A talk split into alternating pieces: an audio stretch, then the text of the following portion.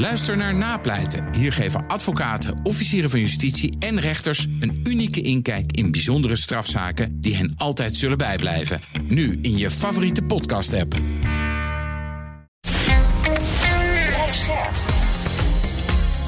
BNR Nieuwsradio. Boekenstein en de Wijk. Hugo Reitsma. Dit is een extra uitzending van Boekenstein en de Wijk in verband met de oorlog in Oekraïne en de crisis met Rusland. Het is vrijdag, dag 284 van de invasie. Maar eerst iets anders. Want de Sint is weer in het land. en we hebben een cadeautip. Via haagscollege.nl kun je een kaartje cadeau doen voor de livestream van de Boekenstein en de Wijk Geopolitieke Eindejaarshow op 20 december. Ga naar haagscollege.nl voor een ticket en download daar een mooie cadeaubon voor in de schoen. Wat wil je nou nog mooi? Een Sinterklaas cadeau dat je dan bij ons kan zitten. Toch geweldig? en dan ga, ga, ik nog wel pepernoten. Ja. Uh, nou, dan de situatie op de grond, denk ik maar weer te beginnen. Hoewel het is weer een beetje in Oosten niets noois. Uh, nou ja, daar komt het ongeveer op neer. Ja, Bak moet dat, uh, ja, daar blijven ze doorvechten. Uh, ja, ik, alle experts in de wereld die beginnen zich werkelijk af te vragen wat die Russen nou eigenlijk bezielt. Ten eerste, dat is wel interessant, maken ze weer dezelfde fout als die ze in Severodonetsk uh, hebben gemaakt en Lysychansk. Namelijk, uh, ze blijven doorvechten, doorvechten, doorvechten. Het kost ontzettend veel mensenlevens. Het is echt gewoon ja, een gehaktmolen. Het is echt onvoorstelbaar wat daar gebeurt. En wat je er nou uiteindelijk mee wil bereiken, ja, op papier eh, heb je dan een stukje Donbass te pakken, want dat was toch de oorspronkelijke bedoeling. En op papier zorg je dan voor dat eh, de wegen vrijgaan naar eh, de belangrijke steden binnen hm. de Donbass. Maar tegelijkertijd kost het zo ontzettend veel mensenlevens dat je werkelijk de vraag kunt stellen van waarom doe je dit? Hè? En dat is echt ja, een vraag die iedereen zich stelt. Nou, Oekraïne die, die ziet het ook en die zegt ja, ongelooflijk veel slachtoffers gemaakt aan Russische kant, honderdduizend dan Amerikaanse cijfers. Amerikanen zeggen over ja, maar er zijn ook honderdduizend gevallen aan de Oekraïnse kant. En daarvan zeggen de Oekraïners nu: nee, het waren 10 tot 13.000. Nou, weet je, dat klinkt ik, ik geloof dat gewoon niet. Kijk, we zijn nu negen maanden bezig. Uh, uh, uh, dit is dan iets meer dan duizend doden per maand. Terwijl de Russen 40.000 granaten, alleen nog granaten, dan heb ik nog niet eens over de bombardementen afvuren op de Oekraïnse stellingen. En dan zou je zo weinig slachtoffers nou hebben. Het kan, het kan gewoon. Het dat, kan gewoon niet. Nee, dan moet je wel heel veel misschieten. Ja, en het is dezelfde onzin uh, als. En daar heeft Jan eens een keer uh, een paar keer zijn verbazing over uitgesproken. Dat 80% van het hele energienetwerk plat zou liggen. De Amerikanen zeggen het is 20 tot 30%. Dus die cijfers die worden gemanipuleerd. Zowel van de Russische kant, maar ook van de Oekraïnse kant. Mm -hmm. Hoe verklaar jij dat, uh, Arend-Jan? Oh, ook, dit is gewoon uh, oorlogsretoriek. Uh, je moet gewoon ja, maar wat eigen... is het doel daarvan? Het doel daarvan is dat je, dat je toont dat je nog heel erg sterk bent. En je, je hoopt ook dat de Russen dat vooral geloven. En dat je dus nog heel erg. En ook de, mor, de moreel van, het, van de bevolking, denk ik. Hè? Hmm. Even trouwens over dat, over dat punt. Kijk, waar ik wel op hoop is dit. Hè. Wat ze daar doen bij Bachmoed is krankzinnig. En we hebben ook die berichtjes gezien van dat de uh, soldaten daar met hun moeders bellen, weet je wel, in nieuwsuur en zo.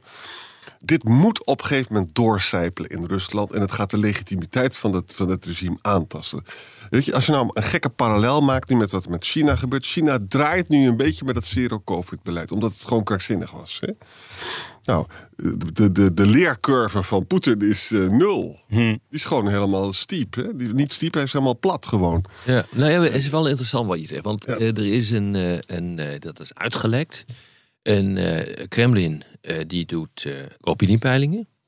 je hebt ook dat Levada-centrum. Ja. En opmerkelijk genoeg waren de uitslagen redelijk parallel aan elkaar. Maar wat er is uitgelekt van die Kremlin-opiniepeiling eh, van 30 november, dus heel recent, is dat 25% van de bevolking wil dat die oorlog doorgaat. 55% van de bevolking wil vredesoverleg. Zo. En eh, met andere woorden, een, echt een grote uh, meerderheid wil dat dit stoppen. Dat dit stopt. 75% op enige manier wil dat dit stopt. 25% wil doorknokken dat moet wel te denken geven. En je ziet dus nu ook uh, dat intern het begint te schuiven. De, uh, die soldatenmoeders die beginnen uh, hier wat moedeloos van te worden, wat ik me kan mhm. voorstellen. als je naar de Telegram-kanalen kijkt, dan zie je dat er enorme kritiek is eh, hebben we het een paar dagen geleden over gehad, over die dual use Ja. ehm, eh, maatregelen van het ministerie van eh, Defensie. Dus dat betekent eh, spullen die je zowel militair als civiel kunt eh, gebruiken. Ja, en crowdfunding, jongens, voor schoenen en kleding is natuurlijk totaal krankzinnig. Ik bedoel, eh, je krijgt bijna medelijden met de Russische Ja, militairen. en dan moet de winter nog eigenlijk goed En dan eh, moet- wel beginnen. Ja, exact. En de, de, Nooren en de. Volgens mij hebben de Nooren nu toegezegd aan de Oekraïners van jullie krijgen meer warme kleding. Ja. Canada ook. Ja. Canada ook, ja. Ze zijn dus eh, nogal goed daar in die landen in kou. En dus, eh, ja, op die manier worden die Oekraïners dus eh, geholpen.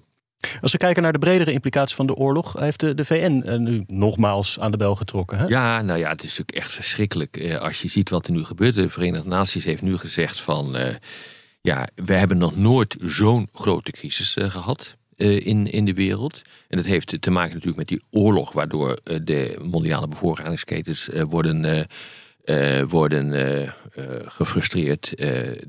Door de energiecrisis zien we dat, dat de inflatie oploopt dus minder geld. Uh, graan kunstmest eh, wordt, eh, wordt gepakt. Dus op zich zijn er geen tekorten in de wereld. Ook niet op het gebied van graan, ook niet op het gebied van kunstmest op dit hm. ogenblik. Hoewel we wel zien dat kunstmestfabrieken die draaien op gas. ja, of even sluiten of wat dan ook. maar in ieder geval de productie wordt, wordt minder. Ehm, ja, 300 39 miljoen mensen zitten nu echt in de problemen door deze crisis. Een groot deel trouwens in Oekraïne zelf. Dus de VN die moet echt continu ook ehm, geld fourneren om die mensen op een of andere manier in leven te houden. Dit is onwaarschijnlijk wat hier op dit ogenblik gebeurt. Dankzij trouwens één man en die meneer heet Poetin. Ja. En ook het graan komt onvoldoende aan in Afrika om moeilijk te doorgronden redenen. Nou, volgens mij was het vrij simpel. Er is geregeld dat het de wereldmarkt opkomt, maar dan geldt gewoon de wereldmarkt. Ja. En degene die dan het meest biedt, dat Die is dan het. bijvoorbeeld de vee-industrie in Europa, die dat mais hier wil hebben. Nou ja, klopt. Die, die bieden Maar veel, Afrikaanse landen veel van dat spul is Ja, ook gewoon veevoeder. Ja. Zo simpel is het. mais en zo. Dat is ja. helemaal niet de bedoeling dat je dat eh, met z'n allen op zit te eten. De dieren moeten erop eten. Hè, dus nee, daar zit dus een, dat is inderdaad een, een vrij simpele verklaring is dat eh, ervoor. Maar het punt is, het gaat dus niet eh, zozeer om de beschikbaarheid van graan. Het gaat om de prijsexplosie. Ja. Dus eh, Afrika wordt getroffen door deze graancrisis, omdat, de, omdat ze gewoon de, de prijzen niet meer kunnen betalen. Dit is precies wat er gebeurde in 2010, toen die Arabische opstanden op, u- uitbraken. Ja. Toen had je een all-time high van, de, eh, van de, de graanprijzen, maar ook van de energieprijzen. En dat kwam door de opkomst van China. Hè. De, de vraag nam toe. Nou, en daardoor konden de mensen in Afrika het niet meer betalen en kwamen ze in opstand. En nu treft het een deel van Afrika, dat is zo verschrikkelijk arm, daar komen de mensen ook niet meer in opstand. Kijk, je komt pas in opstand eh, als je nog je, je, je portemonnee uitgehold eh, ziet, eh, maar nog net wel in leven kan blijven. Maar op het moment dat je alleen nog maar bezig bent om in leven te blijven, dan kom je niet meer in opstand. Ja. En dat is volgens mij wat er op dit ogenblik aan de hand is. Dus je ziet dat het enorm hard gepakt wordt, eh, de bevolking in, eh, in Somalië, om maar eens wat eh, te noemen. Wat je eigenlijk dus ziet, hè, is heel anders dan de crisis in het interbellum. Je ziet gewoon hoge inflatie overal, met name door de energie. En je ziet dat de groeicijfers donderen in elkaar. Ja. En dat, met andere woorden, stagflatie als scenario van de Ja. jaren 70, Ja. 80, dat Ja. komt terug. Ja. Het heeft ons tien jaar gekost om daar uit te klimmen. Hè? President Macron is op dit moment op staatsbezoek in de Verenigde Staten. Gaat onder meer over economie. Daar hebben we het over in onze uitzending van morgen. Maar ik Ja. neem aan dat Oekraïne daar ook niet onbesproken kan blijven. Zeker. En als je naar het communiqué kijkt, dan is het dus allemaal heel erg vaag. Even de historische context. Hè. We hebben heel vaak uitgelegd in deze podcast dat Biden een beetje terughoudend is met wapens. Hè. En Met name de lange dracht om een derde wereldoorlog te voorkomen. Maar ook omdat hij vindt dat er op een gegeven moment gewoon onderhandeld moet worden. Dat is heel duidelijk, dat zat erin. Hè. Ja. Dat gaf spanningen met Zelensky. Eh, nou, wat, en we weten ook dat Macron dat al veel eerder gezegd had. Die was nog meer voor onderhandelingen. Ja. En, en Frankrijk speelt altijd de Ruslandkaart. Hè. Dan kun je daarmee Amerika ook eh, balanceren vanuit, vanuit de geschiedenis. Nou, wat is er nu gebeurd? Ze zeggen dat ze hele grote vrienden met elkaar zijn. En dan zegt Biden allemaal van die open deuren van... ja, ik ben, wij zijn voor onderhandelingen. Maar natuurlijk alleen als Zelensky dat wil. Hè. Nee, als, Eh, ja, dat zegt hij Ja. natuurlijk, maar Ja. dat zegt Macron ook.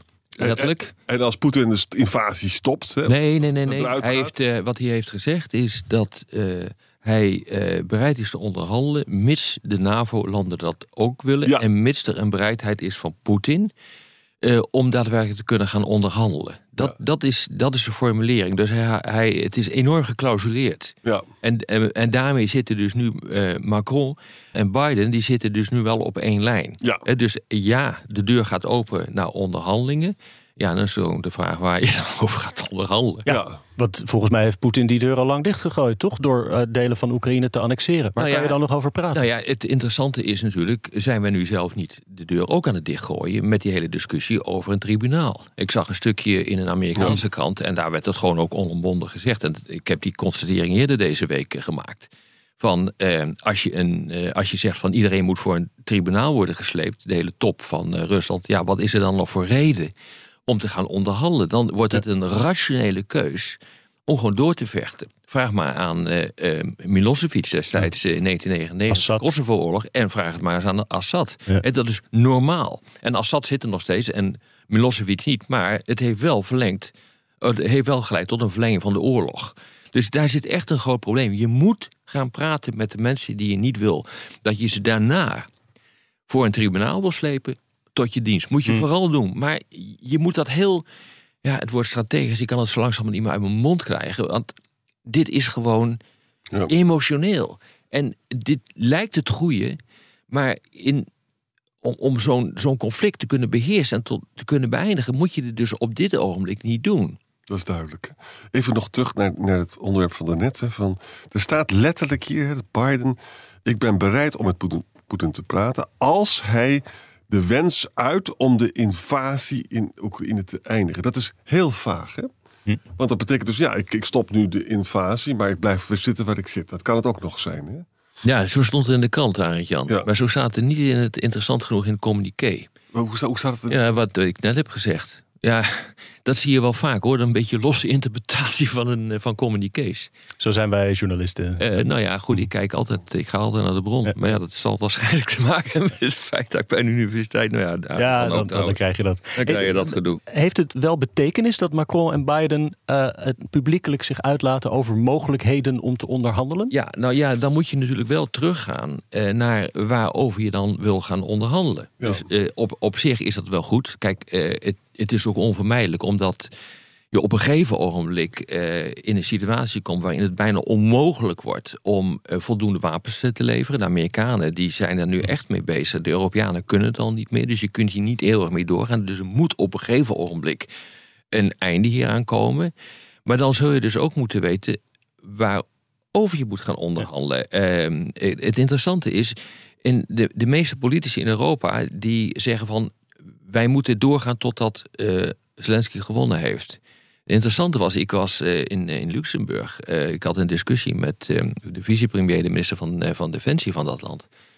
En die zegt van, ja, eh, de kans is vrij groot. Eigenlijk wat wij ook zeggen. Maar wat een politicus eigenlijk bijna niet mag zeggen... dat er gewoon een bevoren conflict gaat ontstaan. Dus ja, dan, eh, eh, delen van het land die blijven bezet door Rusland. Eh, dan heb je een vredesakkoord die er niet gaat komen... maar wel een staakt te vuren. Hè, dus dat heeft een bevroren conflict. Dan wordt, ja, dan wordt er gewoon de zaak niet opgelost. Dat, die kans is vrij groot. Dat zei hij ook dat het zo was. Toen zei ik al tegen hem van... Ja, jij zegt dat zo, maar als een Nederlandse minister of een Duitse minister dat zou zeggen, dan wordt hij eh, toch redelijk aan de schandpaal gaan. Hij zei, ja, weet je, zei, je moet ook een keer durven zeggen wat het is. Dat vond ik wel eerlijk gezegd, vond ik dat verfrissend. Het probleem is alleen dat Luxemburg niet de allergrootste eh, militaire Ja. speler is. In Hoeveel divisies heeft Nee. Luxemburg? Ja. Nee, Hey, maar er zijn wel eerder in het conflict eh, in elk geval pogingen gedaan Ja. tot gesprekken. Ja, zeker. Ja, nou ja, goed. Daar, ik, ik wou daar eigenlijk de komende tijd eens even over gaan praten. Want eh, die, die gegevens komen nu tot ons. Eh, we, we weten inderdaad eh, dat, dat, dat dat zo is. Eh, er, lig- er ligt een tienpuntenplan eh lag er op tafel van eh, in, in, in, eh, in Turkije. Eh, eh, eh, gefabriceerd door, door Zelensky en zijn team. Daarvoor zou er al een, afspraak zijn geweest tussen de Russen en Oekraïners om inderdaad te komen tot een eh, tot een vergelijk. Waarbij inderdaad eh, de neutraliteit van eh, Oekraïne zou worden gewaarborgd door Zelensky. En ook eh, er gesproken zou kunnen worden over bijvoorbeeld de Donbass en de Krim. Ja, was dat dus- voor of na de invasie? ja, dat, dat, dat, is al voor de, dat is al voor de invasie eh, begonnen. Maar weet je, wat het meest interessant is.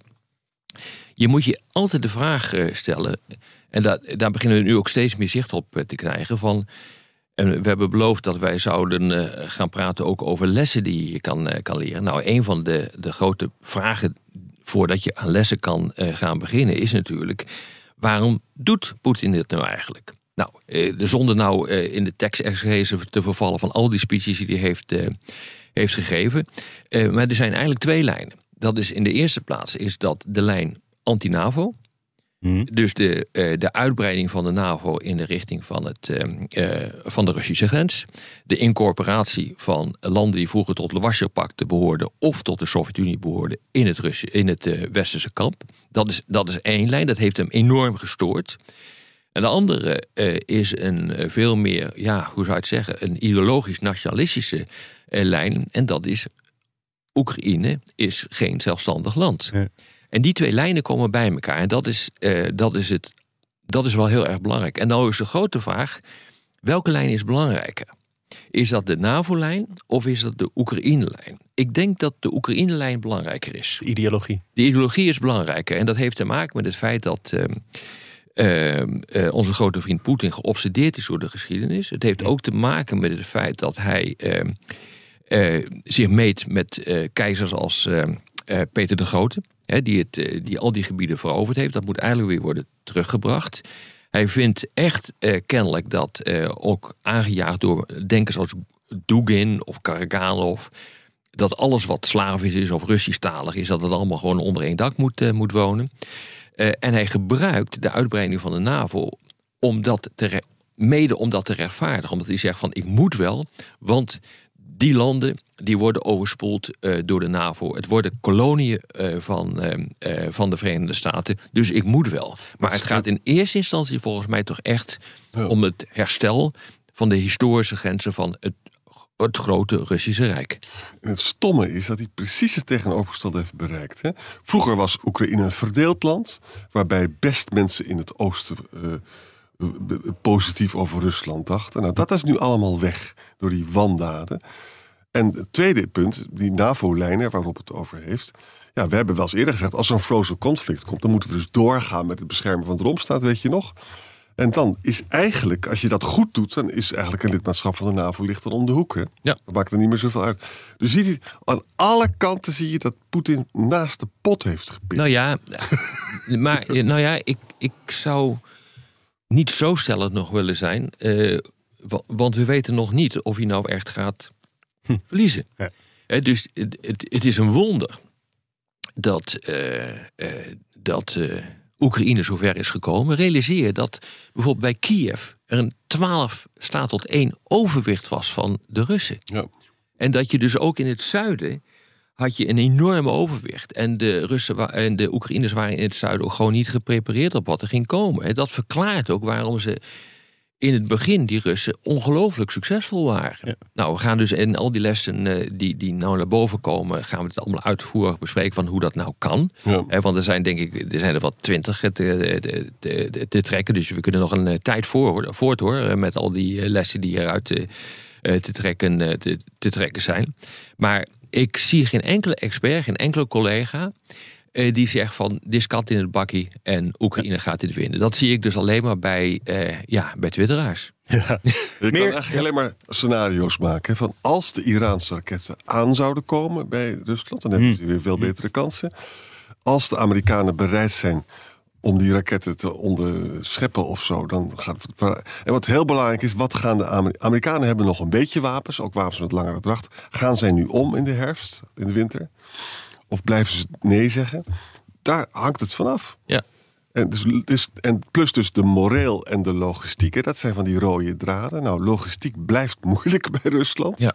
Is toch beter bij de Oekraïne. Ook tot op het laagste niveau. Hè. En, en de wil om te winnen is heel groot bij, Rus, bij Oekraïne. Maar de wil om te winnen Ja, is absoluut gigantisch in Oekraïne. ja.